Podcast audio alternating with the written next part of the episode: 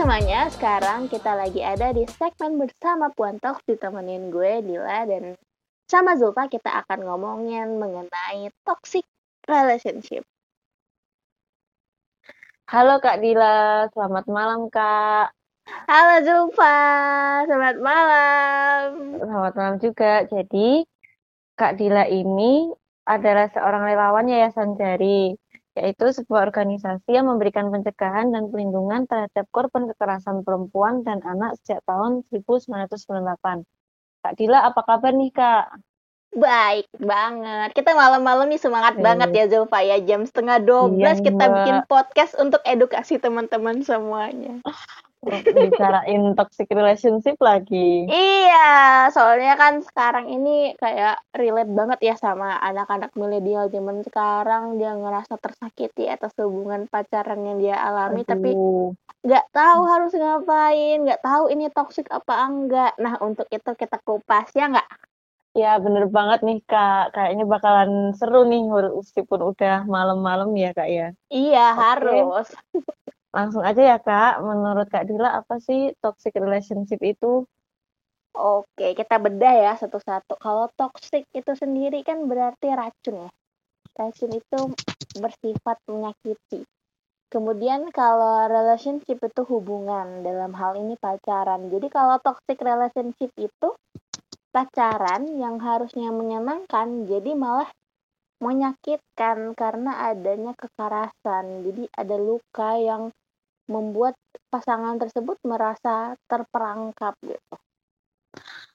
Waduh, secara berarti secara nggak langsung, secara emosional nih bisa menyebabkan trauma ya kak ya, kalau iya. dibiarin meng mengalami hal itu. Jadi dampak dari toxic relationship ini bisa banyak, ada fisik, kalau misalnya ada uh, kekerasan-kekerasan fisik ya, kemudian juga bisa ke ya. mental, uh, perlakuan kasar, terus emosional, kayak kekerasan emosional itu halus ya dibanding dengan Iya, bener kekerasan-kekerasan lain. Kayak aku cinta padamu, tapi kamu harus kayak gini kayak gini gitu. Magic word lah menggunakan kata cinta untuk mengontrol dan memaksa gitu. Itu bisa banyak dampaknya terhadap mental dan juga berpengaruh terhadap perilaku. Jadi mungkin ada trust issue, kita jadinya nggak percaya sama orang-orang kan, kemudian juga bisa jadi ada permasalahan dalam diri, tidak mencintai diri, atau juga jadi minder dan lain-lain sebagainya. Oh, Oke okay, Kak, sangat jelas penjelasannya tadi. Uh, menurut Kak Dila, kategori kekerasan dalam pacaran itu uh, gimana ya? Jadi kekerasan dalam pacaran itu ya, kalau toxic relationship itu kan jatuhnya kekerasan dalam pacaran ya. Iya, benar banget. mm jadi menimbulkan uh, seseorang tuh merasa terluka sehingga menjadi kekerasan. Nah, kekerasan yang pertama yang relate banget sama dalam hubungan toxic relationship ini ialah kekerasan emosional. Yang aku bilang tadi, kekerasan yang sifatnya halus banget, tapi dia itu mengkontrol, mem memaksa, intimidasi dengan kekasihnya ya, dengan pasangannya. Dia itu berdampak juga ke rasa dalam diri itu sehingga merasa ragu gitu. Jadi kekerasan emosi ini biasanya dilakukan juga dengan cara verbal yang kata-kata memanipulasi gitu-gitu. Kemudian ada kekerasan seksual, pelecehan seksual, kekerasan fisik yang pukul dan lain-lain. Juga ada kekerasan ekonomi misalnya kayak kamu sayang kan sama aku isiin dong pulsa aku atau kamu sayang sama aku beliin dong aku ini gitu-gitu Wah, itu udah manipulatif banget ya, seakan-akan uh, kalau sayang harus dia minta sesuatu harus dikasih lah atau apalah. Nah, kalau posesif sendiri ini bisa nggak sih Kak masuk dalam kategori toxic relationship? Oh bisa. Uh, kalau posesif itu udah menjadi kekangan ya, yang menyiksa, ya, benar banget. mengontrol, manipulasi ya jelas sangat menjadi sebuah toksik. Tapi e, realitanya sering nih orang-orang tuh kadang tidak menyadari kalau dirinya ini sedang ada di dalam toxic relationship. Nah, bagaimana sih e, kalau gimana sih orang tuh bisa sadar dan dia tahu kalau dia ini sedang berada di toxic relationship? Pertama dia harus sadar, benar kata Zulfa. Harus sadar dulu kondisi emosi dan fisik dalam relasi hubungan tuh kira-kira sehat nggak ya? Kira-kira hubungan relationship yang harusnya menyenangkan ini uh, jadinya baik nggak ya? Buat aku pengaruhnya positif nggak ya? Gitu. Jadi pertama harus sadari dulu dengan menyadari hal tersebut kita jadi bisa mencegah dan terhindar dari yang namanya toxic relationship dan juga lebih mencintai diri sendiri. Mungkin nih untuk teman-teman yang merasa bimbang kayak aku dalam toxic relationship nggak ya? Kamu bisa share share sama orang yang paling paling bisa dipercaya. Kira-kira aku dalam hubungan toksik gak ya kalau misalnya pasanganku gini gini gini jadi kalau misalnya dari kitanya sendiri rasanya agak sulit menyadari itu ya udah kita sharing sama orang lain.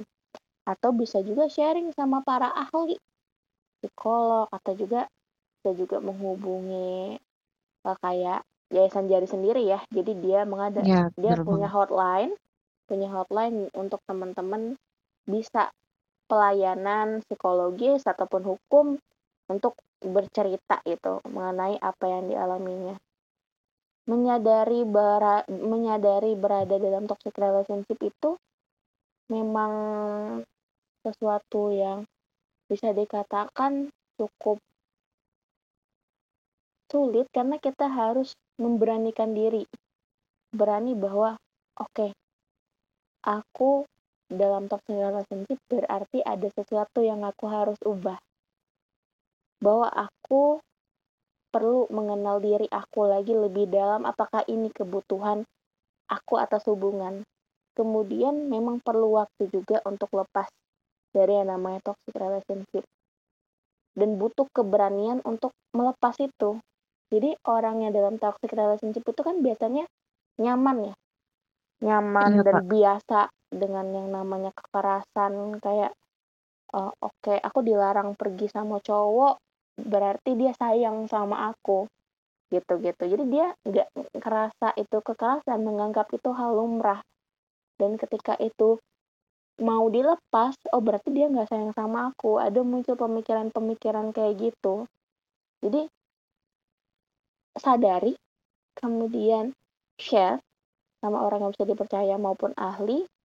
Kemudian apabila perlu bantuan, uh, hubungi hotline ataupun hubungi orang yang kita anggap percaya tadi. Terus juga yang paling penting itu mengenal diri dan mencintai diri.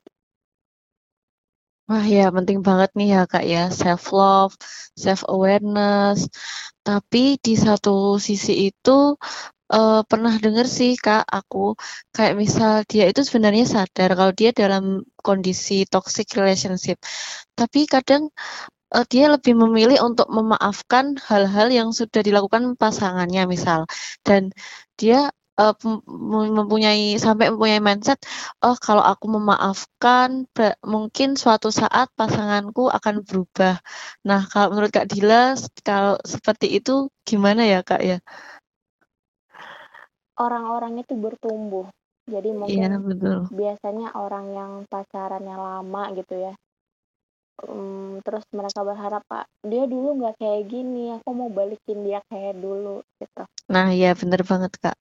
tapi orang-orang itu bertumbuh jadi kita nggak bisa memaksakan orang itu menjadi apa yang kita harapkan tuh nggak bisa.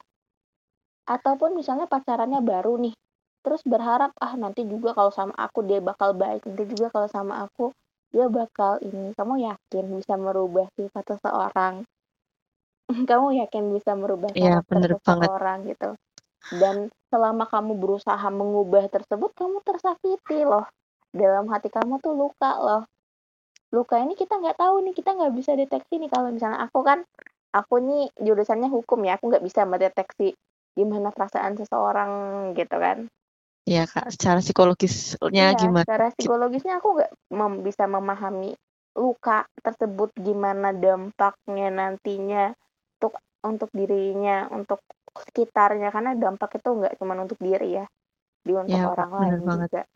Jadi kenapa kenapa nggak kita buat keadaan itu?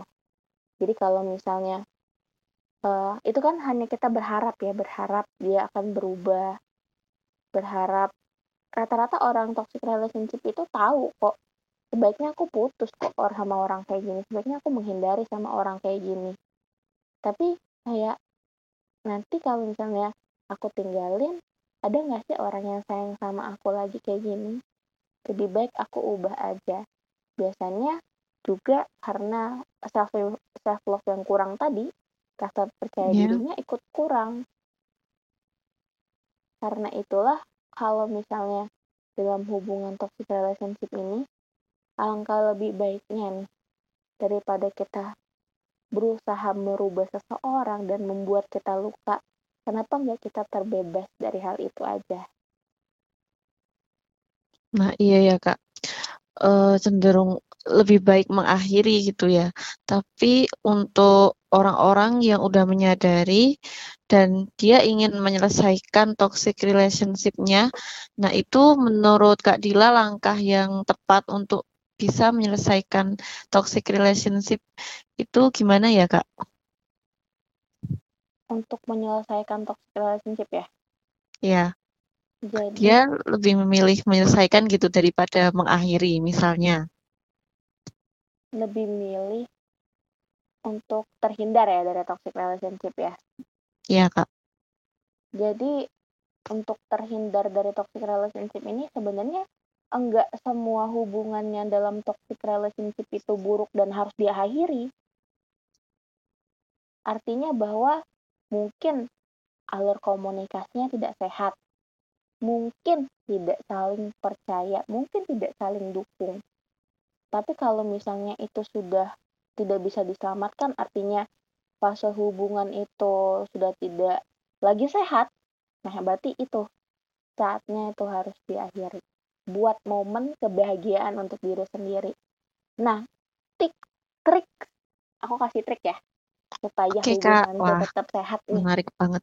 Ya, menarik banget nih pasti. Ambil ambil catatannya buat teman-teman semuanya ambil catatannya buat yang lagi ngalamin apa namanya lagi ngalamin toxic relationship maupun yang baru mau ngalamin kayak Zulfa ya baru menjalani hubungan ya baru mau menjalani hubungan bisa tuh Zul kamu catat jadi Iya, Kak. Ini, Kak. Siap, Kak. eh, ambil pena Siap. dulu ya Aku bakal aku note nih di catatan. oke siap jadi yang pertama harus mengikuti fase hubungan fase hubungan itu kan pasti fluktuatif ya naik turun jadi kita harus berproses kemudian juga dalam proses itu kita harus saling percaya saling menghormati privacy yang jangan sini password IG kamu buat aku sini ini ini ini semuanya buat aku. Itu jangan kita harus menghormati privasi pasangan.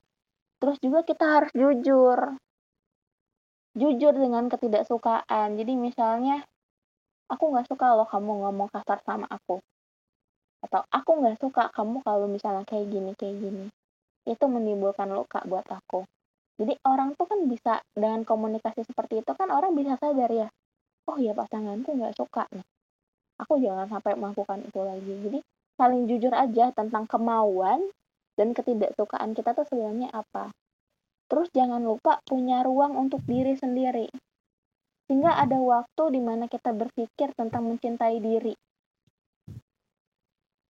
Saling menghargai juga tentang opini satu sama lain. Kayak misalnya mengutarakan pendapat A, terus langsung di, ah, apaan tuh? Kamu nggak nggak nggak cerdas banget sih. Kenapa sih bisa berpendapat kayak gitu? Wah, tidak mendukung gitu kan. Udah itu udah pasti toksik. Selain itu hubungan itu harus setara nggak ada nggak ada tuh namanya yang paling-paling tuh nggak ada artinya kita saling kan Iya, saling Kak, bener banget. sayang saling percaya gitu. Hubungan tuh harus setara nggak ada tuh yang lebih tinggi dan nggak ada yang lebih rendah juga nggak ada sehingga hubungan tuh akan lebih harmonis. Terus juga kita harus punya rasa empati nih untuk mensupport pasangan kita. Pasangan kita mau apa kita support. Kita mau apa pasangan kita support. Sehingga hubungan tuh saling apa ya saling positif kan. Saling bahu membahu gitu kan kemudian kalau punya kesalahan akuin oh maaf ya maaf ya mas. Eh, maaf ya mas tadi aku gini gini gini. Masnya kenapa? Aku gimana caranya untuk ngobatin kesalahan ini? Gitu. Jadi akui akui kesalahan dan juga perbaiki gitu kan. Kemudian konflik itu nggak selamanya jahat loh jadi kembangkan konflik yang sehat. Aduh konflik yang sehat tuh kayak gimana? Mungkin kalau misalnya berdebat tentang sesuatu mungkin bisa dicari hal yang bisa jadi apa ya hikmah dari perdebatan hari ini. Kemudian terakhir kalau menurutku mempunyai pasangan itu harus banyak meluangkan waktu bersama dan mengeluarkan yang terbaik dari apa yang kita punya. Misalnya komunikasi yang sehat tadi kemudian saling support empati yang tadi semuanya itu dikeluarkan di waktu ketika lagi bersama ini. Gitu Zulfa Wah, keren banget nih Kak, tips-tipsnya bisa banget nih ya diterapkan langsung gitu ketika kita sedang sedang menjalankan suatu hubungan. Iya bisa banget. Jadi Zulfa cari dulu pasangannya abis ini ya. Abis podcast ini langsung cari dulu ya. Siap Kak, mau cari di mana ya Kak ya? Jadi buat teman-teman yang dengerin podcast ini mungkin bisa hubungin Zulfa kali ya. Lama-lama jadi buka biro jodoh ya Kak ya. Kalau eh, singkatnya yang aku tangkap nih ya Kak, Mm. penting banget ya komunikasi dua arah dan saling keterbukaan satu sama lain nih. Oh ya penting banget itu. Untuk menjalin hubungan yang sehat itu harus komunikasi. Komunikasi itu penting banget. Mengutarakan apa yang dirasa, menyampaikan rasa salah, sakit, bahagia itu harus banget dalam hubungan. Oke Kak, eh, sekarang aku mau tanya pertanyaan terakhir sekaligus sekaligus Kak Dila jika ingin menyampaikan pesan atau closing statement Mm-mm. untuk segmen ini boleh banget. Eh, gimana sih cara kita mm, menghadap terhin- terhindar dari toxic relationship ini? Oke, cara terhindarnya kalau dari aku ya, jadi Kak. mengenal mengenal diri dulu. Mengenal diri itu artinya apakah benar sih ini pasangan yang aku ingin? Apakah benar sih aku bahagia? Karena pasangan itu relationship itu identik dengan kebahagiaan kan.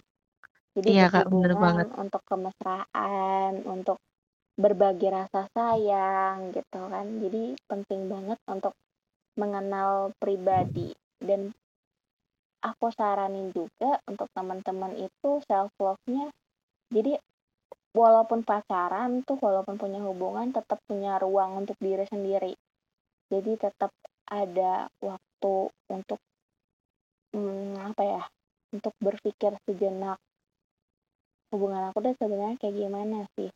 Sehat nggak sih kira-kira? Kalau misalnya sehat ya gas.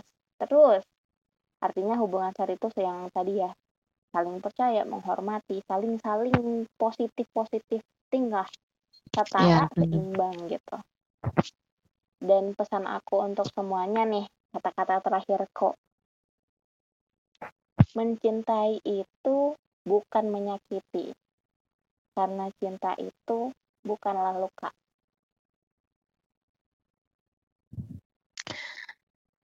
Keren sekali Kak kata-katanya.